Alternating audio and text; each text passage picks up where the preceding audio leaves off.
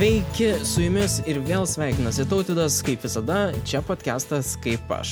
Nors ir minėjau, kad penktasis epizodas su svečiu bus paskutinis šiais metais, tačiau turime šiokią tokią staigmeną. Tikrai negalėjome neišnaudoti galimybės pakalbinti dabar jau gerai žinomo keliautojo Aurimo Valujavičiaus, dar šią savaitę grįžusio iš, kaip jis vadina, kelionės po Skandinaviją. Aistė ir Agnė su Aurimu šnekėjosi apie įvairiausias patirtis kelionėje, valią, pasiryžimą ir kaip svarbu daryti tai, kas tau labiausiai patinka. Šis epizodas, kaip Aurimas pasakytų, tikrai užbomintas, todėl tikimės, kad ir jums patiks. Gero klausimo.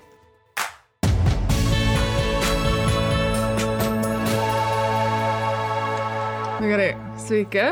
Tai šiandien yra mūsų naujas epizodas ir šiandien kalbinsime Aurimą, kitaip žinoma Instagram'e, kaip Aurimas keliautojas. Aurimas pats. Aurimas. Aurimas. Negaliu pakeisti šitą Ir- kirčiavimą. Ir jo, tai jis ką tik grįžo iš labai didelės kelionės, apie kurią šiandien ir pasišnekėsim. Tai jo, kaip jauties, kaip išsimegojai šiandien? E, Lovai. Miegojau šiandien tik tais 4 valandas. Tai Nu, ką gero. nesijaučiu dar palsėjęs ir buvo labai keista miegoti lovai. Apskritai dar keista būti Lietuvoje. Jo. E, Dar man tai yra kosmosas, nes aš buvau pripratęs, kad kirti šalį dviračių, tai vis kažkokia nauja, Prancūzija, tai Anglija, tai Švedija, tai Danija, dar kažkas ir dabar tai bum, Lietuva, žinai. Ir, e, tai man dar tas nesusiriša, aš va šiandien buvau Vilniui dar, tai, nu, dar išplaukęs visiškai. Nesibaigė kelionės. Tai gal šiek tiek skaičių mestelk, kiek kilometrų, kiek dienų, mėnesių, kiek čia.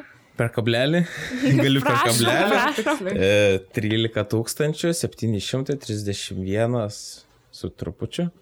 Ir tai užtruko 838, jei neklystų, valandas minimo. Mhm. 830 valandų kažkas minimo. Mhm. Pastovus čia. Pastovus laikas. Ir jeigu dienom, tai e, 200 dienų. 200 dienų. 6 mėnesiai ir 17 dienų. Ne. Tai kurią tu dieną išvažiavai tiksliai? Birželio Lietuvos? 1. Birželio. Norėjau vasarą pradėti. E, Bet toks ir planas buvo, kad grįžti kalėdams. Ne, planas buvo apskritai. e, Nu, aš kadangi padariau projektą už bombing kilometrais, žmonės galėjo finansiškai prisidėti prie mano kelionės. Ir kiekvienas euras buvo kaip ir papildomas kilometras prie kelionės. Nu, aš nesitikėjau daug, galvojau, nu gerai, gal tūkstantį eurų žmonės surinks per vasarą. Nes planas buvo tik tais vasarą užbombinti. Ir, nu jo, žmonės man surinko 3600 eurų. Wow. Tai kelionė prailgėjo gan taip ženkliai. Ir planas buvo turbūt gal spalio pradžiai grįžti, gal gale, gal apkritį, bet jo. Gavos kaip gavos. Svarbiausia iki kalėdų. Nu, tai Jo. Tai ir ta kelionė buvo taip užbaigta pasitikimu, gan dideliu, kaip pats sakėjai. Tai koks buvo jausmas, kai atgrįžti į Kauną ir tiek žmonių? Labai keistas ir, ta prasme, aš jaučiuosi kaip ir užpildytas, kad aš pakankamai pilnai įgyvendinau kelionę, bet kai jau stovėjau rotušį toksai, gerai, kas dabar, come on. Per daug greit, man atrodo, tavo atėjo šitas jausmas. Jo, visi fotkinasi, vaikai, seneliai, iš kur jūsų tiek čia. Buvo labai keista. Susikūrė vis tiek tokia bendruomenė. Ir supranti, kas buvo, kad prieš kelionę, nu, labai mažai kas mane žinojo. Aš turėjau ja. Instagram'e apie 2,5 tūkstančio, YouTube'e turėjau apie 1000, žinai. Nu, tai tokie tikri gal tie followeriai buvo, žinai. Ir aš kai išvykau į užsienį, pradėjau čia taip va, važiuoti per visas tas šalis ir ta mano visa bendruomenė užaugo. Bet aš jos taip kaip ir nemačiau Lietuvoje, žinai. Jo. Dažniausiai visi Lietuvoje Instagrameriai, YouTuberiai, jie Lietuvoje užauga. Ir jie tiesiogiai mato, jau jo žmonės atpažįsta ar panašiai. O aš savo keliauju dviračiu ir aš nežinau, kaip, Savo kaip bus Lietuvoje, žinai. Ir va, kai Lietuvoje atvažiavau, bum, mašinas pypsina, ten žmonės sveikinasi, šiandien važiavau į Vilnių, vyrukas irgi, sako, taurimas, jo, sako, eina savo senis, sėkiau visą tavo kelionę. Tai va tokie va dalykai dabar darosi, tai labai Smagu. keista. Na jo, aš įsivaizduoju. O jeigu grįžtant tada prieš visą šitą kelionę, ar tu visada mėgai keliauti, ar kaip, kaip kilo iš vis tokios idėjos? Mm, turbūt viskas prasidėjo nuo tų 15 metų. Tai čia jau 4 metai atgal, beveik 5. Tai norėjau draugą aplankyti Norvegijai. Aš neturėjau nei teisių, nei mašinos, turėjau tik dviratį. Ir Nu, tai taip dar tos tokios idėjos pusiau, gal su dviračiu va, nuvažiuoti visai būtų kietai. Kiek čia kilometrų? Ir man gavosi 2500. Ir dar merginą turėjau tada, bet po to išsiskyriau ir sekančią dieną parašiau draugui, seniai pas tavęs varau su dviračiu. tai va, čia buvo mano pirmoji kelionė, man buvo 21 metai. Aš vienas išvažiavau su mygtukiniu telefonu ir papiriniais žemėlapiais E, į. Norvegiją. Jo. Nes aš išmanau turiu tik tais pusantrų metų. Mhm. Aš prieš tai visą laiką turėjau mygtukinę šunį verą, pabaigiau su mygtukiniu telefonu. Nu, tai žmonės dar išgyvena. Jo, Taip. 2017. Na. Tai gerai, e, dar kokių didelių kelionių buvo prieš tai, ar čia buvo didžiausia į Norvegiją? Šitą, šitą, kurią pabaigiau, tai jo, didžiausia. Aišku. Visos kitos buvo smulkesnės, tam mhm. po porą savaičių po mėnesį. Tai kaip apskritai kilo idėja su tuo finansavimu ir, ir kai, kokios priemonės buvo, kad žmonės informuoti, komunikacija, kad aš čia taip darau, galite mane paremti. Tai turbūt uh, iš pat pradžių pradėjau susirašinėti su žiniasklaida, e, ką aš jiems galiu duoti, ką jie man gali duoti. Ir tada labai natūraliai išėjo, kad tas 15 minučių jie sutiko su manim 3 straipsnius padaryti. Ir aš automatiškai, kai pradėjau ieškoti rėmėjų, visą laiką rė- rėmėjams reikia sakyti, ką tu jiems gali duoti, Jo. ne ką tu gali gauti, mhm. ko tau reikia. Ir e, kažkaip tas buvo arkliukas, kad juos labiausiai papirko ta žiniasklaida, nors realiai kažkaip man dar keista, bet labai tie darbdaviai nori televizijos, nors man atrodo televizija labai toks dalykas. Jo, bet. Ir va taip po truputį, po truputį, žinoma, investavau ir savo pinigų į atsus visus, Facebook, Instagram'e. Ir kelionės metu nemažai investavau, bet investavau tik dėl to, kad žinau, kad atsipirkinėja. Pavyzdžiui, aš rūpiučio gale, rūpiučio vidury i- investavau 100 eurų į atsus Instagramui. Ir per dvi savaitės man žmonės pervedė 1000 eurų. Mhm. Kaip užbombinimui. Tai 10x atsipirkimas. Tai man nebuvo gaila investuoti tą dalyką. Mhm. Jo. Nu, bet čia irgi toks sėkmės reikalas, gali pasisekti, gali. ne. Nu, bet jau buvo tas augimas ir matėsi, kad žmonės įdomu, tai tiesiog, mhm. tiesiog reikia reklamą, žinai. Aha. Tai plus ne aš tą dar dariau, o draugas, kuris jau tą Žino, už to dirba, supranta. uždirba, tai jo, tai jis jau Mhm. man padėjo. O E. va, ši, šitą kelionę susilaukė dėmesio žiniasklaidos, dabar turi gal kažkokių planų. E, taip, labai, kad tai ne, bet va, pirmąjį varau 15 minučių studiją. E, tai, bet jau šitą dalyką planavom vos ne prieš kelionę, tai Ai. ar tai jau būtų papildoma kažkokia, nežinau, susidomėjimas, tai sunku. Pavyzdžiui, kelionės metu man rašė Lanka, mhm. parašė, e, kada būsiu Kaune, parašiau datą laiko, čia per Instagramą tiesiog man parašė, pasinino ir viskas. Ir, Alanka. ir tiek, ir nei jau buvo, nei ką. Tai palauk, neprisišnekė, gal dar susisiek. Gal į kakadų pakvies prie beždžionių, prie Maibacho. E, tai kiek laiko užtruko viską susiplanuoti? Nu vis tiek, greit keliu nevažiuosi. Tai čia daug laiko eina ir pastangų. Bet irgi, tu net nežinojai, kiek toli važiuosi. Tai man čia toks nesaina galai. E, Aš žinau, kad tikrai važiuosiu 9000, mhm. nes tai buvo mano pradinis maršrutas. E, O užbombintas, kad dar labiau žmonės įtraukti, aš nedariau taip imti kaip pauka, žinai, kaip koksai bomžas ten prašyčiau duokit man pinigų, nes Norvegijoje kainuoja pavalgyti 20 eurų. E, norėjau juos labiau įtraukti į kelionę, tai todėl e, sugalvojau, kad tie visi užbombinti kilometrai bus sudaryti maršrutai iš tų užbombintų ir žmonės patys nubalsuos, kur aš galiu važiuoti. Tai aš už padariau tris maršrutus, jie nubalsavo, kad nori, kad aš važiuočiau per Angliją, per Londoną ir aš tą pravažiavau per mėnesį, gerą mėnesį. Tai, nu taip, O kokie tai... kiti buvo pasirinkimai? mm, nebuvo Londono. Vis tiek, realiai visi trys kaip ir labai panašus, nes aš žinojau, kad artėja žiema, aš negaliu labai lysti kalnus, nes užpustys mane ir sušalsiu. E, arba šiaip labai plės tada tą maršrutą per gal labiau Prancūziją ir, ir tada tikėtina, kad grįžčiau kitais metais, iki kalėdų nespėčiau. Tai tokį stengiausi optimaliai. Vis tiek norėjai grįžti ir vis tiek darai taip, kad grįžtum prieš kalėdas. Jo, jo, jo. Supratau. O gerai, vis tiek va tokia kelionė, tai čia tikrai ne kiekvienam. Nu jo, čia kiaušų reikia. Jo, bet ir fiziškai. Ar visada buvai toks sportiškas, kad būtum tikras, kad nuvažiuosi tokią kelionę, tokius atstumus? Sportiškas tai visada buvo, bet čia labai mažas faktorius mm. tokiuose Valios. kelionėse. Bet tai vis tiek, nu, Čia užsispyrimas, psichologija Jo. ir visi tą patvirtins. Ta prasme, aš sutikau tokių keliautojų kaip kudučiai, visi smulkučiai ir jie mina po pusę metų ir daugiau. Ir čia Jo. tiesiog noras psichologija, nes tavo kūnas žino, kad tu kiekvieną dieną duosi jam tą patį krūvį, jis jau tą supranta, jis adaptuojasi. Gal ten pirmas porą savaičių skauda kažką, žinai, ten raumenis. Po to nieko. Visiškai. Keista. jo. E, nežinau, gal čia paslaptis, bet kiek atsėja ta kelionė ir nebuvo taip, kad išėjai į minusą. Um, taip, tai šitas man jau patinka klausimas, nes jisai visai toks geras. E, tai aš turėjau tokių problemų kelioniai, man sugedo kompiuteris. Tai e, visiškai sugedo, negalėjau montuoti vlogų. Ir dar tik buvo pirmo mėnesio pabaiga. Tai žmonės man surinko pinigų kompiuterį per Jau pliusas. dieną, per dvi dienas. Už 900 eurų aš nusipirkau kompiuterį. Po to teko pirkti kėdus, teko pirkti pirštinės, gavau Oslio ambasadoje iš vienos įmonės dovanų kamerą, kurio vertė irgi 8-900 eurų. Teko dviratį remontuoti 2-3 kartus, tai kas irgi bendroji suma 3-400 eurų. Ir, ir dviračiams laikiklių kažkokiu papildomu dar reikėjo, atsimenu, pirkti Prancūzijai. Tai va šitą, šitą sudėjus, aš dar apkeliavau pusę metų visą kelionę ir grįžau namo uždirbę 110 eurų. Nu, wow.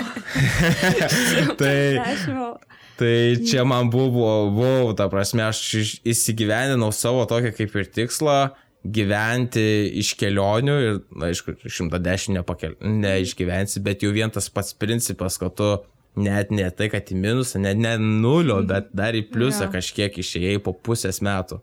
Ir tiek pamačius, tiek patyrus, tai čia man Na, kosmosas. bet čia ne vien finansai, tai 110 eurų, bet galim pašnekėti apie YouTube, kiek peržiūro, kiek priaugo tavo subscriberio. Tai aš nežinau, tu pradėjai prieš kelionę šitą. Kada tu pradėjai savo kanalą? E, 2.15. 2015? 2015 aš pradėjau vloginti, mano visos kelionės yra apskritai suvlogintos, sumontuotos, sukeltos YouTube, bet ką aš darydavau, aš filmuodavau, vlogindavau irgi everyday, bet aš grįždavau po kelionės, ramiai sumontuodavau ir tada ten po vieną papostindavau po kas kažkiek laiko. Ir aš manau, dabar šitoj kelionėje mano buvo didžiausias arkliukas, kad žmonės praktiškai mato live mano kelionę Jo. live, tu matai pusę metų kaip žmogus everyday, e, kas jam yra, kas jam blogai, kas jam gerai.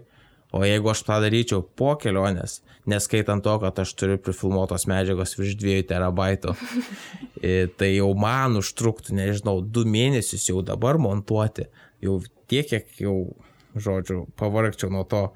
Ir jau žmonėm nebūtų to stimulo, įdomumo, nes, na, tai jau namie, tai reiškia, viskas buvo gerai to kelionė, žinai. O kai tu viską everyday darai, jie nežino, kas bus, tai tu pats nežinai.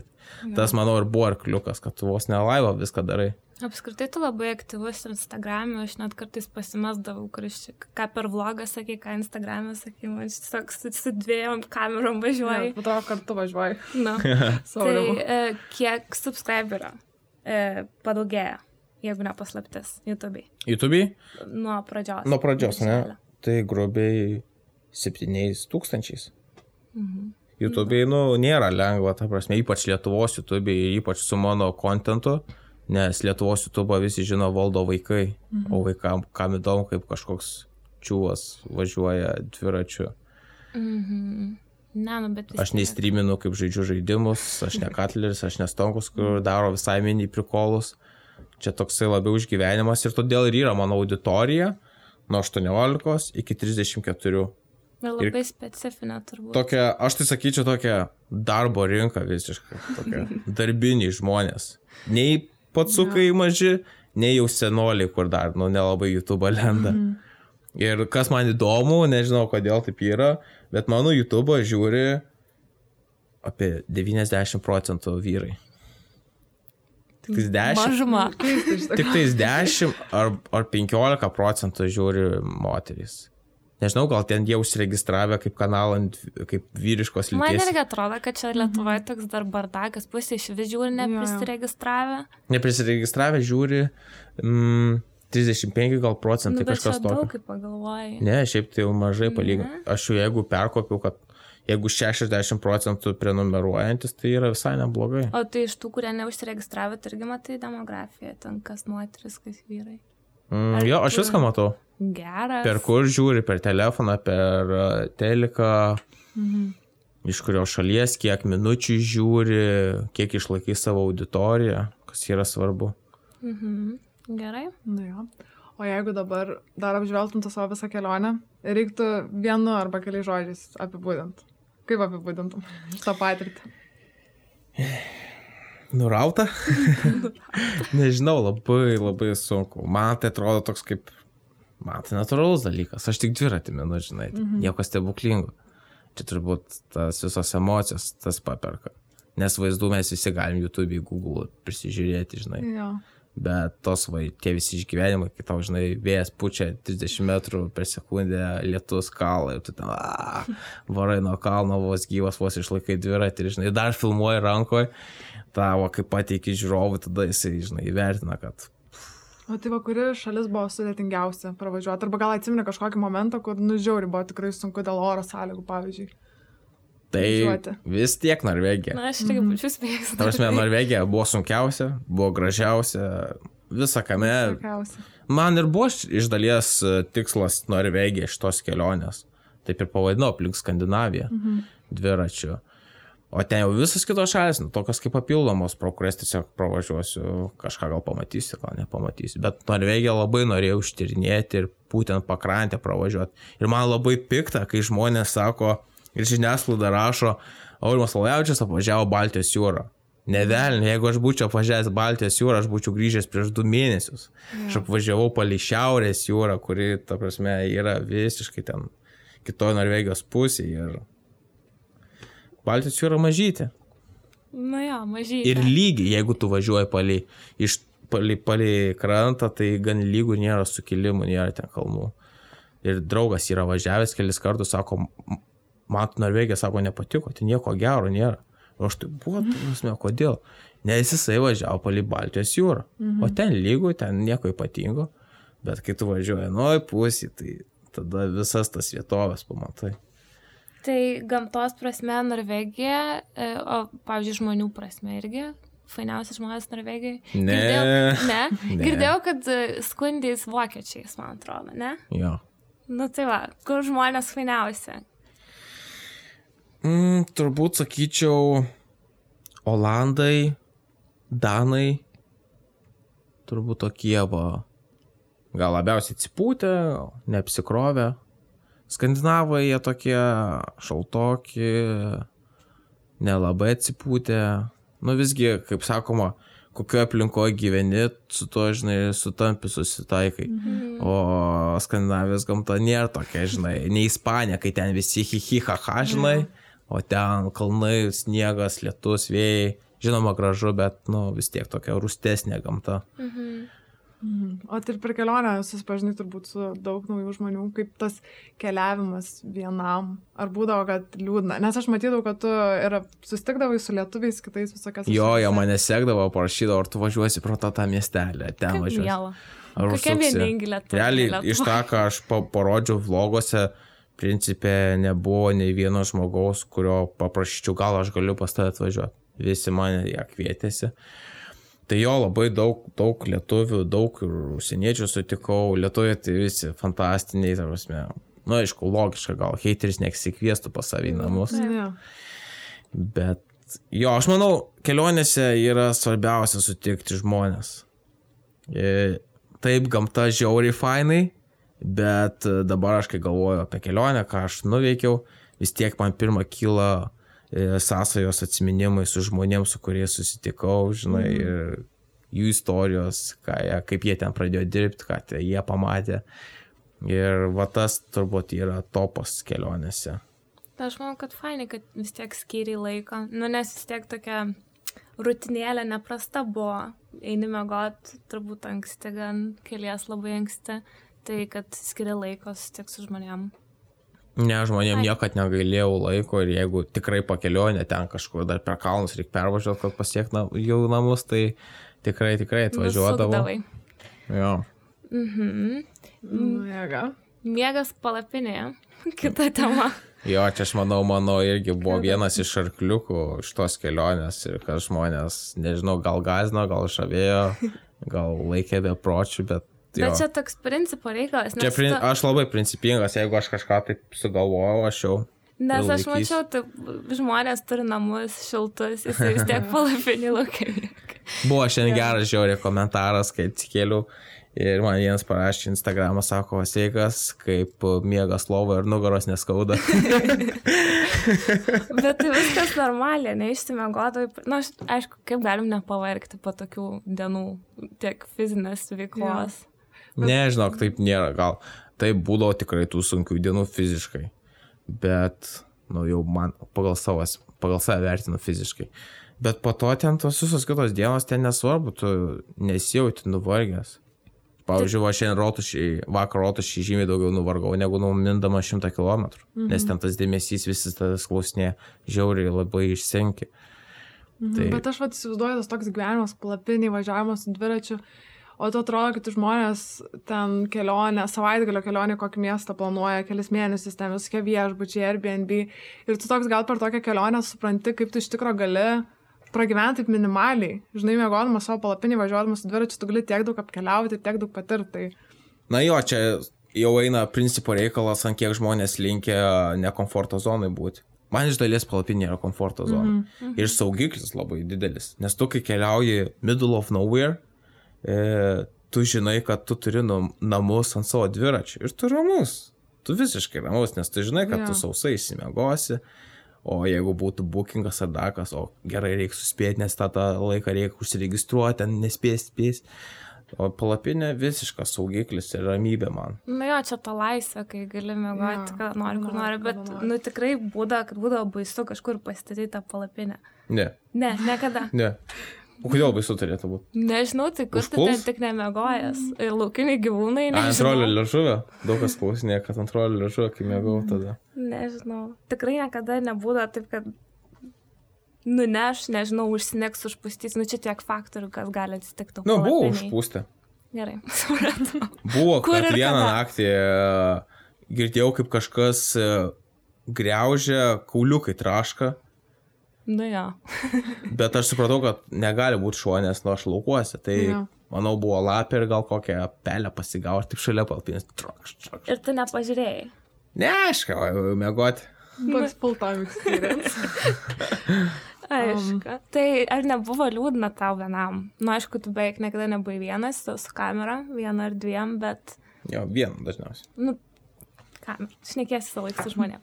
Bet, nu, nebuvo taip, kad vat, negaliu užmėgti palapinį ir galvoju, kaip man čia atsibodo ir kaip man iš tikrųjų liūdna ir trūksta kompanijos. Ne, tokių dalykų man nebūna.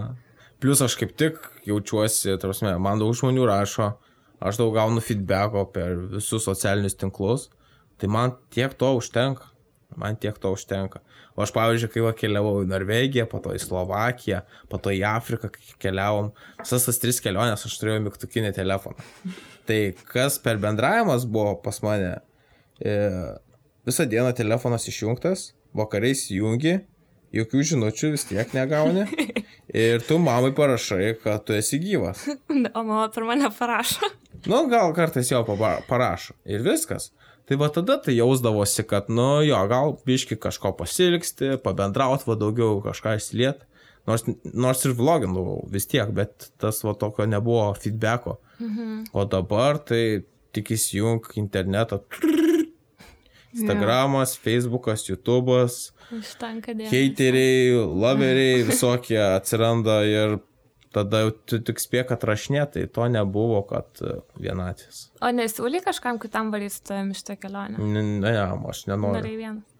Man, e, matai, yra, jeigu aš keliauju kompanijoje, tarkim, mes tą darėm Afrikoje, mes keliavom šešiese, tūkstantį kilometrų per dykumas, ten minėm dviračiais mėnesį laiko. Ir aš sakyčiau, kad man tai buvo atostogos. ne kelionė. Man tai yra du skirtingi dalykai. Atostogos tai, kai e, tu gali atsipūst, tu ne už viską atsakingas, e, tu žinai, kad tau kažkas gali padėti. Kai kelionė, kai tu jau viską prisėmė ant savo pečių ir tavo sprendimai jau nulems. Žinai, ar tu ten gyvensi, ten nu, nučiuoši nuo skardžio, ar nukrisi. Ekstra. Tai va, todėl aš ir keliauju vienas, man tada užsiskaito kaip jau checkpointas, kad kelionė įgyvendinta. Aš nenoriu keliauti dviesi ir dar jam laurų atiduoti. Nu, čia ką, tai va, tas turbūt yra, kad ne kiekvienas taip galėtų. Čia jau turbūt psichologija. Jo. Visiškai.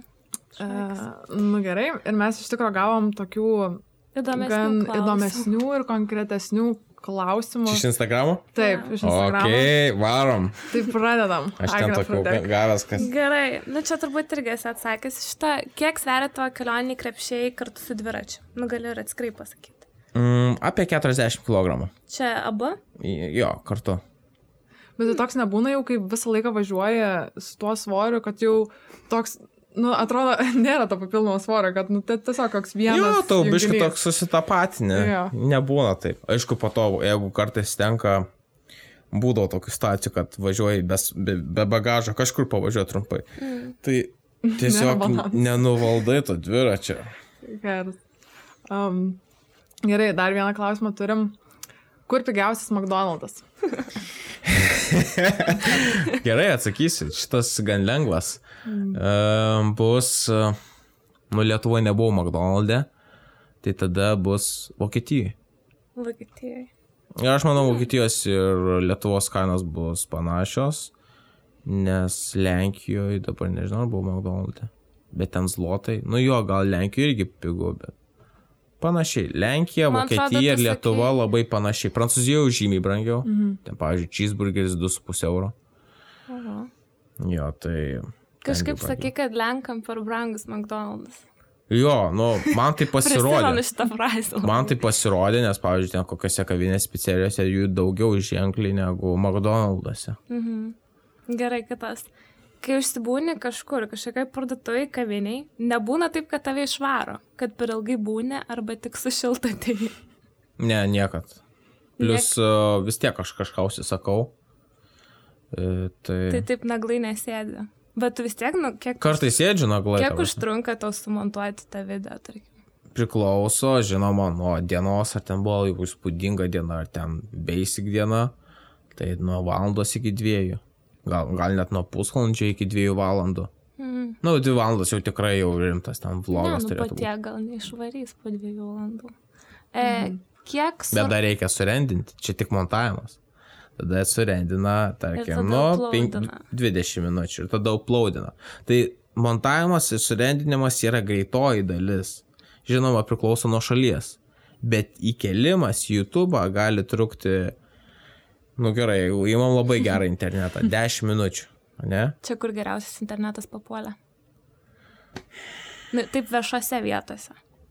Nu, žinau, kad tu pas kažką ten buvai apsistojęs trumpam, kai kuriuose šalyse, bet tarkim atkalbėjai. Aš Norvegijos negaliu lyginti, realiai aps- apskritai visos Skandinavijos negaliu lyginti, nes aš turėjau e, SIM kortelę su neribotu internetu, tai aš niekad nenaudojau Wi-Fi'aus. Man net buvo stimulas kuo daugiau gigų prisukti. Tai principė, mat, vidutiniškai, jeigu aš tik naudoju savo internetą be jokių Wi-Fi'ų, e, mano visiems poreikiams, man reikia mėnesį 100 gigų. O tada, kai jau kirtau Danijos su Vokietijos sieną ir baigėsi Skandinavija, tada jau prasidėjo visos, visi McDonald'ai, ieškojama interneto. Tai kelimas gali trukti nuo 10 minučių iki 2,5 valandos, 3 valandų. Ir tu sėdi 3 valandas, realiai nieko neveikdamas, tu žinai, kad per 3 valandas gali bent 5 kilų numinti, bet tu to negali daryti, nes turi vlogai kelti. Tai buvo ir tokių dienų. Nu, Nu, va, tai va, o tai tas vloginimas vis tiek tapo tokia rutina, bet ar būdavo dienų, nu, kai žiaur nesinori vloginti arba tingisi montuoti. Ar... Arba šiaip neturi ką pasakyti. Jo, Nu, Nu, va šitas buvo atvejis, bet tų pirmų atvejų nebuvo, kad uh, tingėtųsi ar dar kažkas. Norisi kažką nufilmuoti ir pasakyti, bet kartais tiesiog, nu, nėra ką ten važiuoti, tarkim, laukais, nu ką nu, ten. Nu, tai bandai kažką išpešti, tada jau kažkokias asmeninės istorijas papasakoji, dar kažką. bandai suktis iš situacijos, bet vlogai everyday turi būti. Na, ja. Gerai. O dar vienas klausimas. Ar nepatyrė tokių situacijų, kai kas nors norėjo pavogti dviratį arba bandė pavogti tavo dviratį? Ne. Saugoja. Aš manau, kad tas apkrovimas dviračio tašėm panašiai, Sudėtinga būtų pavogti. jisai gal net atbaido, mhm. tas ne kaip vagių, imt kažką, plus kas Jo, pas parduoda. keliautoją gali būti tašėse, maistas ir skudurai. Nu, gerai, žinoma, aš turėjau daug, aš turėjau laptopą, aš turėjau droną ir panašiai, bet aš galvoju, taip, kaip, nu, ar vagis galvotų, kad aš ten droną turiu ar dar kažką. Nelabai. Plus, dviratis tikrai senas, 26 colių, tu jo net vaikui neparduotum. Dabar vaikai 12 mečiai perka 28 colių ratus dviračius, tai mano... jo. Nevarkia vakt. E, kiek strainis valgy per šitą kelionę? Mm. Ant pirštų neskaičiuoju. ne, pirštų nesuskaičiuos, nes dažniausiai vis tiek jėmų bent 2-3 minimum. Tai nežinau, nu, Ne, numešė. 40, Tikslus 30, atsakymas. 30. Gerai, o apskritai, vat, koks maisto racionas pas tave būdavo? Na, iš maisto tai gavau daug kritikos, kad prastai maitinuosi, bet man tai, kaip iš dalies, kaip aš sakau, kelionė nėra atostogos, atostogos nėra kelionė, bet šiuo atžvilgiu man tai yra atostogos. Aš galiu valgyti tai, ką noriu, kaip noriu, kada noriu. Pavyzdžiui, aš Lietuvoje niekada nevalgau nei tų ten tų snikerių, nei to spraito aš geriu, niekad, nu, tos- man nėra poreikio, aš nesino, man nesinori cukraus. O kelionėse viskas, tu negali akių atitraukti nuo snikerių, negali atitraukti nuo botanėlių ir panašiai. Tai daug buvo saldumynų, bet žinoma, visą laiką supranti, kad reikia kažką normalesnio pavalgyti. Tai būdavo ten tuno, tunas, varškė, e, biški gal kokios dešros, dar pradžiai suomiai valgydavau sumuštinius darydavausi, bet po to labai pradėdavo daug atimti laiko, ten sūrį pasipjausti, ten tą, tą.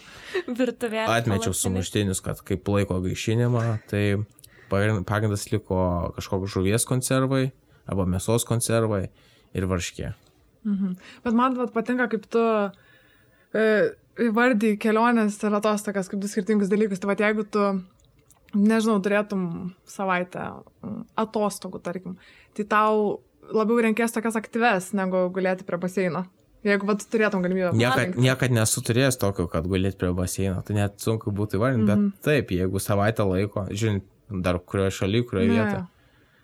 Gerai, kas dar? kas Dar turim vieną klausimą. Ir gal man Ai, kelionė tai yra labiau fizinis ir toksai psichologinis išbandymas. Nes pavyzdžiui, aš buvau praeitą vasarą, du mėnesius gyvenau Bali Mhm. vasarą ir, nu, aš negaliu vadinti, kad tai buvo kelionė. Nu, vis tiek ten nebuvo kažkokio fizinio krūvio. Nu, aišku, aš ten su dviračiu važiavau tą salą ten, kaip simboliškai, žinai, 500 km. Garbės ratas. Nu jo, bet, bet principė aš ten sinau motorolerį, turėjau privatų namuką, tai, nu, sakyčiau, buvo atostogos. Aš turiu klausimą. E, susidūrimai su policija.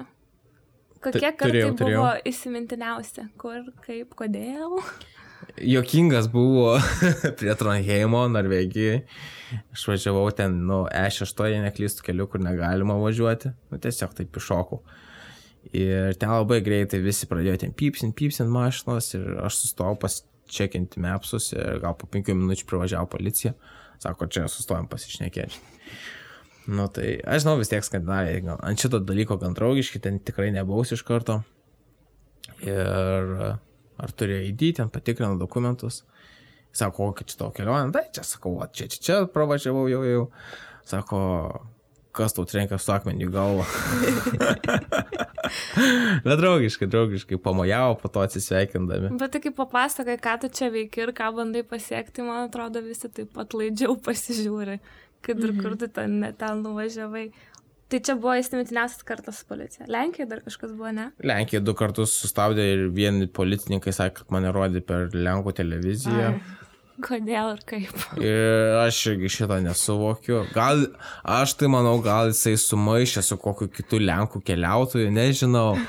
Bet man šitas buvo labai keista. Ir bet kokią atveju, jeigu įrodė per televiziją, tai buvo kažkokios iškarpos iš mano YouTube. Mhm. Tiesa, man net vienas vyrukas Instagramą įmetė, kad mane rodė per LNK, ne, per L rytą tą laidą, kur veda pravaltūras.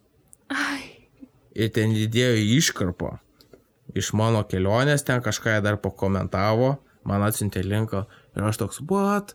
Ir aš atsimenu kažkada kažkoks vaikinukas prašė, ar galiu panaudoti to YouTube medžiagą, tik aš neatsimenu, ar jisai sakė televizijai. Mhm. Tai reikės šitą atkapstyti dalyką, nes aš tai realiai, nu, taip kaip populiarumai, tai man gerai, žinai, bet iš kitos pusės neatsiklausiu, žinai, tai čia nelabai gražiai. O tai tave, tave gražiai patikė, ar ten... Jo, šiaip gražiai. Šiaip pakankamai to... gražiai, jo, jo, bet vis tiek, nu, man tai buvo, wow, toks jo. šokas. Gal nieko blogo. E, dar vieną turim iš Instagramo geriausias tavo įveiktas kilometras. Kilometras. Nu, e... Nu, gali ir plačiau, jeigu. Su tokia metafora. Geriausias kilometras, kuriuo labiausiai didžiuojas.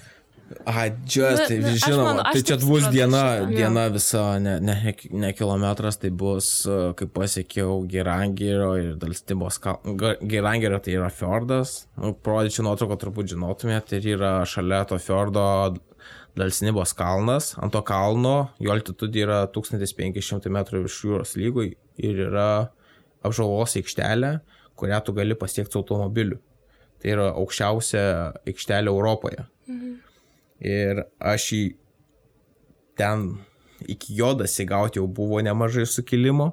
Ir po to nuo žemiausio taško, nuo to fjordo, iki tos kalno viršūnės yra sukilimo 1600 metrų ir aš užmyniau be sustojimo per 3 valandas 17 minučių. Mm. Tai buvo, ta prasme, o man tai buvo rimčiausia diena per visą kelionę. Bet tai turbūt buvo tokių vis tiek momentų, kai atrodo, nu, nu žiauriai sunku nebegaliu, tu nu vis tiek varai toliau, nes tu esi užsibrėžęs tą tikslą, bet turbūt būdavo tokių momentų, kai atrodydavo, nu, nu žiauriai sunku, nu va čia bus sunkiau nebus negu yra dabar. Tai jo, tu jau suvoki, kad nu, čia tikrai jau, ta prasme, čia jau this is it. Mhm. Turi varyti, aš jau net garsiai save davai ori varyk, nors jau pradėjau nugarą kabins skaudėti, žinai, ten ta įkalnė, ten kosminiai serpantinai, kai pasižiūri, ten kalnas aukščiausiai, tu žinai, kad turi ant jo užmin su dviračiu. Ir tu net neįsivaizduoji, kaip tas keliukas eina. Kelias geras buvo asfaltuotas, bet ir aš tai pradėjau minti visai neblogai ir taip savo pasakiau gerai ori šitą padarom be sustojimo. Nu, bet čia vėl principo reikalas. Principu, taip, žinoma, aš galėjau nu, sustoti. Nu, Supratau. Tai čia mano buvo big, big day, big, didžiausia diena. Supratau, čia po Norvegija, ne? Tai čia jo. kelionės gan pradžia vidurys. Net, ne, ne, nu kaip. Jeigu bendrai kelionės, tai jo, gal vidurys. E, gerai, kitas klausimas. Nežinau, ar atsakysi. E, sakai, darysi konkursą. Kiek svorio numetai per kelionę? Tai... O, aš tą galiu įdėti į vlogą. Žinoma, jo, jo. prašom. Tai mes nežinom, ar galim paviešinti šitą informaciją, kol visiems nepasakėjai. Tai žodžiu, dabar dėl svorio. E, daug kas manęs klausinėjo dėl svorio ir aš pasakiau, kad padarysiu konkursą ir aš tik žinojau svorį prieš kelionę. Mhm. Tai mano svoris prieš kelionę buvo, jei dabar tiksliai atsimenu, 86,7 kg. Tai buvo prieš pat, jo, gegužės 31. Ir dabar e, antrą kalėdų dieną paskelbsiu nugalėtoją, kuris e, atspės tiksliausiai mano svorį. Ir jis laimės e, Diamond Gym e, abonentą wow. vieną mėnesį. Dalyvausiu vienam mėnesį abonentą ir taip pat papildomai vieną asmeninę treniruotę. Ir bus dar kiti sekantis du laimėtojai, kurie atspės ne taip tiksliai, tai jie tiesiog laimės po vieną asmeninę treniruotę.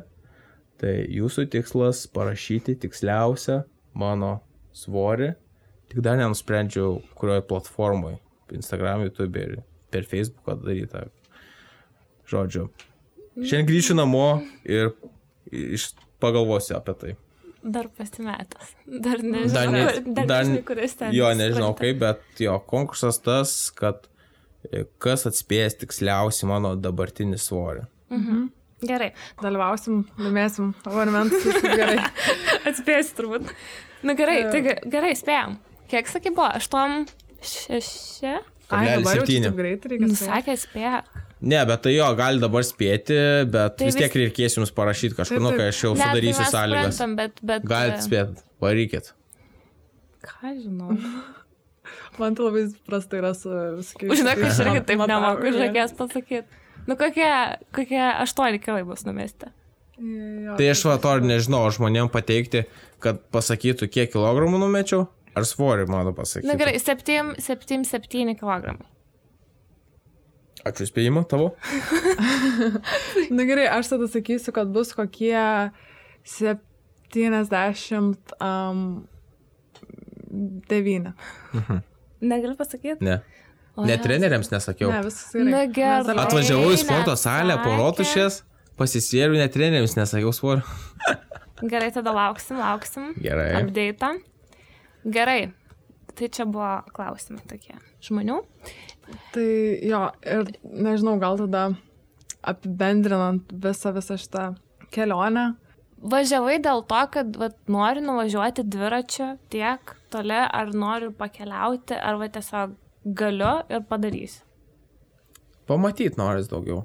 Tai labiau vis dėlto tas... Pažinti. Jo. Mhm. Gerai. Pažinti. Tik tais, nu, kažkokią transporto priemonę, nemotorizuotą. Mhm. Nes Na. tada žymiai daugiau gali pažinti. Keliaudamas automobiliu tiek žmonių nesutiksi. O dar minėjai, kad ten ir hater buvo atsiradę. Tai ką, pavyzdžiui, sako hateriai? E, Išmokai ir anglų kalbą, Na čia Arba- prisikabinėjau. arba kodėl ten anam anam žmogui nepadėjai kažką, kodėl heitini kitus. e, Nu, aš kartais tą padarau, kartais kažką paheitinu, bet tai aš tik išreiškiu savo nuomonę ir plus tai yra mano kanalas, tai aš galiu daryti, ką noriu. Tai va tokių atsiranda, atsiranda piktų. Mhm. Bet e, nie, to anksčiau nebuvo, kai aš turėjau ten YouTube'ai, ten 500-700 žmonių, ten buvo tikri visi, kurie už mane, jiems patinka viskas, thumbs up, tai realiai heiterių visiškai nebūdavo. O dabar, kai jau bendruomenė išaugo, tai automatiškai kažkokiu ir atsirado tokių. Va. Na, man Bet heiteriai, aš normalu. sakyčiau, yra gerai, vis tiek jų Jo. turi būti, nes jie peržiūri visą video. Jie prie kiekvieno dalyko kažką prisikabina, žinai. Tai man tai gerai, žinai, tegul žiūri va visą video, man dar geriau. Tai nepriminėjai taip labai rimtai į širdį. Nu, kartais taip užverda, žinai. Išverda kraują. Bet, nu, jo, šiaip tai dažniausiai, jeigu kartais stengiuosi atrašyti, ačiū, kad žiūrėjai mano video. Jeigu ten kažką ten paheitina, aš tiesiog ačiū, kad žiūrėjai mano video. O ką tėvai galvoja, kaip pasakėjai? Varau. Keturiem, šešiem mėnesiam, nežinau, kada grįšiu. Jo, planas buvo keturiem mėnesiam. E, pakankamai ramiai, nes tai mano penkta kelionė dviračiu. Gyvenimo kelionė tai jau šešta, nes darbai darė plaukiau praeitą vasarą. Tai pakankamai ramiai, ta pati pradžia, pirmosios kelionės, tai to daugiau nerimo. O plus dabar vloginu everyday, tai jie, mano tėvai ir seneliai kiekvieną dieną irgi mano vlogus žiūrėdavo. Dabar nelabai norėčiau, kad žiūrėtų. Kai pradėsiu, dabar kaip vloginu jau Lietuvoje. Tai pakankamai ramiai, nes jie žino, kad va, vlogas keltas, savarimai viskas gerai. Gyvas, sveikas. Jo. Tai gerai, Tai dabar. dabar grįžai iš Jo, kelionės. Kas dabar? Turi kažkokių planų? Didesnių, mažesnių. Mm, turiu šiaip, aš turbūt, jeigu taip suskaičiuočiau tas visas norimas keliones, tai kokiem keturiem metam į priekį turiu jau susiplanavęs. Tai, principė, klausimas eina sponsoravimo, pinigų ir vizų. Mhm. Ai, jau vizų reikia.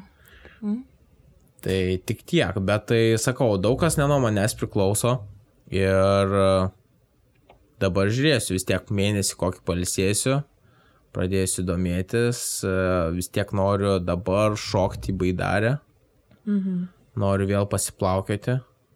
Taip, na irgi netrumpo laikotarpį. Nes baidarė keliavimas žymiai ramesnis negu dviračiu. Mhm. Bet dar ne, Žmonės. neatskleidi savo norimų...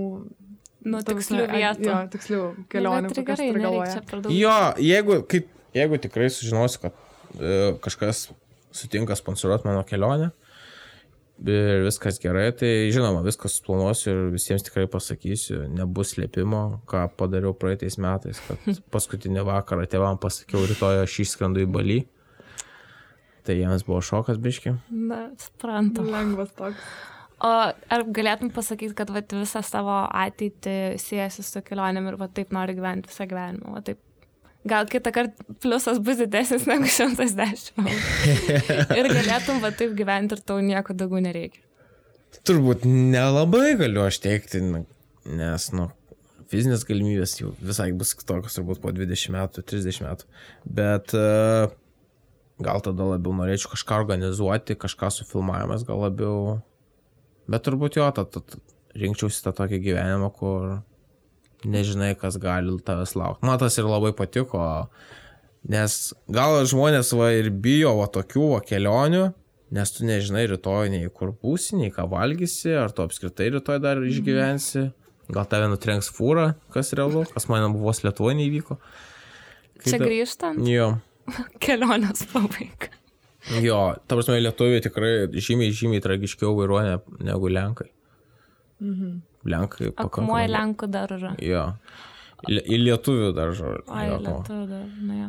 Um, irgi klausimas, ar esi laikai savo patriotą, ar va įsivaizduoji, kad gyventum kažkur kitur? Aš patriotas. Tai niekur kitur nei lietuvėlį, visada gerai grįžti. Man smagu pakeliauti, pamatyti kitas šalis, bet vis tiek e, grįžti norisi į savo žemę, savo kalbą. Tai gerai, smagu. Jo, bet aš kažkaip pastebiu, kad gan bent jau iš mūsų rato, tai gan daug yra žmonių, kurie išvažiuoja arba studijuoja net užsienį, bet sako, nu vis tiek grįš į Lietuvą. Nu, tai, mes du geri pavyzdžiai. Mhm. Mokomės anglį, bet vis tiek jau laukiame. Nu jo, aš irgi sutikau daug lietuvių, kurie po 5, po 10 metų dirba užsienį, bet vis tiek e, dažniausiai e, ta riba, kada jau nusprendžia grįžti į Lietuvą, būna apie 10 metų. mhm. Jau kai 10 metų pradirbo, pragyveno, jau sako, aš jau sutaupiau, kiek man reikia, aš galiu jau namą pasistatyti Lietuvoje ir aš jau varau Lietuvą. tai ką pasakytum tiems, kurie nori kažką panašaus daryti? 13 bet štukų numint? nesiryžta?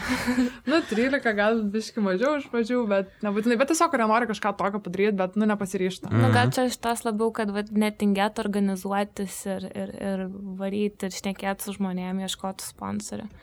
Kaip pradėti? O, čia toks gilus klausimas, bet gerai, pagalvosiu. Gerai. E, turbūt reikia išsikelt savo tikslus, ka, kokios tu kelionės įsivaizduoji, kiek tu gali tai savo leisti, kiek tau gali leisti tavo psichologija, tavo fizinis pasirengimas. Tai turbūt reikėtų pradėti nuo dienos, nuo dviejų dienų tokių mini tripų po Lietuvą ir žiūrėti, ar tu tą gali daryti vienas, ar tau reikia būtinai žmogaus. Ir išsiaiškinti, jau, jau tu žinosi vieną punktą, žinai. Mhm. Tada bandyti ilginti. Ir žinoma, dabar mes kaip 21 amžiuje, tai visi socialiniai tinklai nu būtini, jeigu tu nori gauti sponsoravimą, žinai. Aš buvau pakankamai užsidaręs ir ten niekas nežinojo, bet žinai, pum, daviau vlogų ir tas pabiškiau ir tada tai jau tau net nereikia pradėti ieškoti, tau net patys, pačios įmonės parašo, mes norime paremti tave, bet e, tas neturėtų būti siekimybė ir svarbiausia daryti tai, ką myli. Čia yra topas, Mhm. nes, nu, man nebuvo, žinai, ten tas keliavimas, kad čia uždirb kažką. Kelionės tavo įstra pamatyti, pažinti, žinai. Ir žmonės labai tą jaučia. O aš pilno komentarų gaunu ir sako, tu tikrai darai tai, ką myli ir man tikrai, va, tau negaila ten pervesti pinigų, ranką paspausti ir panašiai. Šiandien važiuot, vakar važiuodamas į Kauną, sustojo virukas, o sako, senai tave seku, paspaudė ranką, sako, senai norėjau tau duoti, davė 50 eurų. Jo, tai kai pasiekiau tokį lygį, tai Nu, Tai va reikia nuo mažų gal dalykų. Žinoma, yra, va, pavyzdžiui, kai sutikau Viljamą, prancūzą, jisai pabaigė studijas ir išvažiavo beveik 9000 km su dviračiu, tai jo buvo pirmoji kelionė. Jis nežinojo tai ten kokių daiktų, nei ką, jis tą viską išmoko kelionės jėgoje. Tai va kartais reikia tokiu imi ir padarai. Mhm. Turbūt kaip banaliai skamba, kai ten žmonės sako, o tiesiog daryk tai, ką myli, bet čia turbūt yra tas pagrindinis dalykas, nes su to ir ateina pasiryžimas ir Jo. noras į toliau. Žinoma, va, tarkim gerai, mėgsti siūtę, ne? Mhm. Bet tai kaip to, Tony Hawkas, žinot, tą skate, skaitininką, jis kiečiausias skaitininkas, mhm. sako, tau nebūtinai tai, ką tu myli ir darai, tau nebūtinai turi atnešti finansinę sėkmę, žinai. Bet Jo. tai dar, to ir nėra esmė, tau svarbiausia gyvenimo prasmė, žinai. Taip. Tai tu, jeigu tu myli siūti, žinai, rūbus, tai ir darai viską iki galo, kad padaryt kuo geriau ir galiausiai tave vis tiek pastebės. Motivacijos pliūpsnis. Gale. Vis tiek pastebės. Tai mano irgi vlogai prasidėjo nuo šimto peržiūrų, nuo dviejų šimtų. Bet tu vis tiek darai, darai. Ir nesvarbu, gal ten būna ir tų nuolydžių, nes vienas vlogas netoks įdomus. Bet bendroje eigoje viskas auga. Mhm. Tai reikia tikėti, ką darai ir daryti iki galo. Nors aišku, daug ten suklupimų ir panašiai, bet vis tiek tiesi. Prisimint tą pradinį tikslą savo visada. Jo. Gerai. Gerai, ačiū tau labai. Tikrai labai ačiū, kad vakar grįžo žmogus ir atvažiavo šiam pas mus. Tai labai fainiai. Jo. Labai dėkui tau. Ačiū, Labai kad tikimės, pakvietėt. kad žmonės dar kažką gal naujo sužinos ir gal nebebijos daryti tokių dalykų ir šiaip prisimti iššūkių gyvenime. Jo, čia labai gerai e, valią apibūdina šitas mhm. pokalbis. Iš principo, va taip padariau. Iš šiaip jo, nes ir žmonės labai komentuoja ir iš jų visų komentarų susidarau tokią išvadą, kad žmonės labai labai bijo, kas gali nutikti netyčia, kas, nu, visi yra, daug, daug bailių yra. Mhm. Ir aš nesuprantu, kodėl. Ir gal tas yra dalykas, kai Elonas Moskas irgi, irgi yra gerai pasakęs, kad žmonės, jauni žmonės labai greitai įsipareigoja daugam. Nusiperka mašiną, pasiema paskolą, pasistato namą, susiranda antrą pusę, sukuria šeimą. Ir visa tai gali labai stipriai apriboti tavo vaikystės, jaunystės svajonės. Tai kol tu esi ten 15, kol esi 20, kol 25, kol tu neturi ką prarasti, esi va vienas pats savo, tu turi daryti iki galo ir viską. Tada kažką pasieksi. Aš tą labai išnaudoju aš tą labai gerai suprantu. Aš todėl neturiu nei mašinos, aš neturiu nei paskolų, aš neturiu nei pastovaus darbo, iš kurio mane gali išmesti, aš neturiu nei didelių pajamų, nei, ta prasme, šią dieną aš toks, o koks esu, aš nežinau, kas rytoj kokią gali pasiūlymą manęs gauti arba ką aš galiu prarasti. Todėl tu neturi ką prarasti, principė. Jo. Ir mane sako, ar tu nebijai va kelionėse to, to, to, to padaryti. Sakau, ta prasme, jeigu aš keliauju su tą mintimi į kelionę, kad e, aš galiu žūti bet kada, aš, aš visą laiką, kiek, prieš kiekvieną kelionę įvertinu mirties tikimybę, tiesą sakant. Afrikai, kai keliavau, buvo didžiausias, sakyčiau, koks buvo 10-15 procentų, kad gal- galiu numirti, žinai. Bet tu kai natūraliai supranti, kad tu tikrai gali numirti kelioniai ir tada tie visi klausimai, ar tu čia nebijai miškė mėgoti, ar tu nebijo, nebijo ant rolio liuožio mėgoti, tau tiesiog jokingi, nes tu viską atiduodi dėl tos kelionės. Tai čia tokie all in. Olen. Gerai. Ačiū tau labai. Ačiū labai. Ačiū. pokalbį. Ir nusekmės tolimesnėse avantūrose. Dėkui. Ir jo, tikrai čia buvo motivacijos pliūpsnis. Tai ačiū Aurimai. Aurimai, atsiprašau. Aurimai.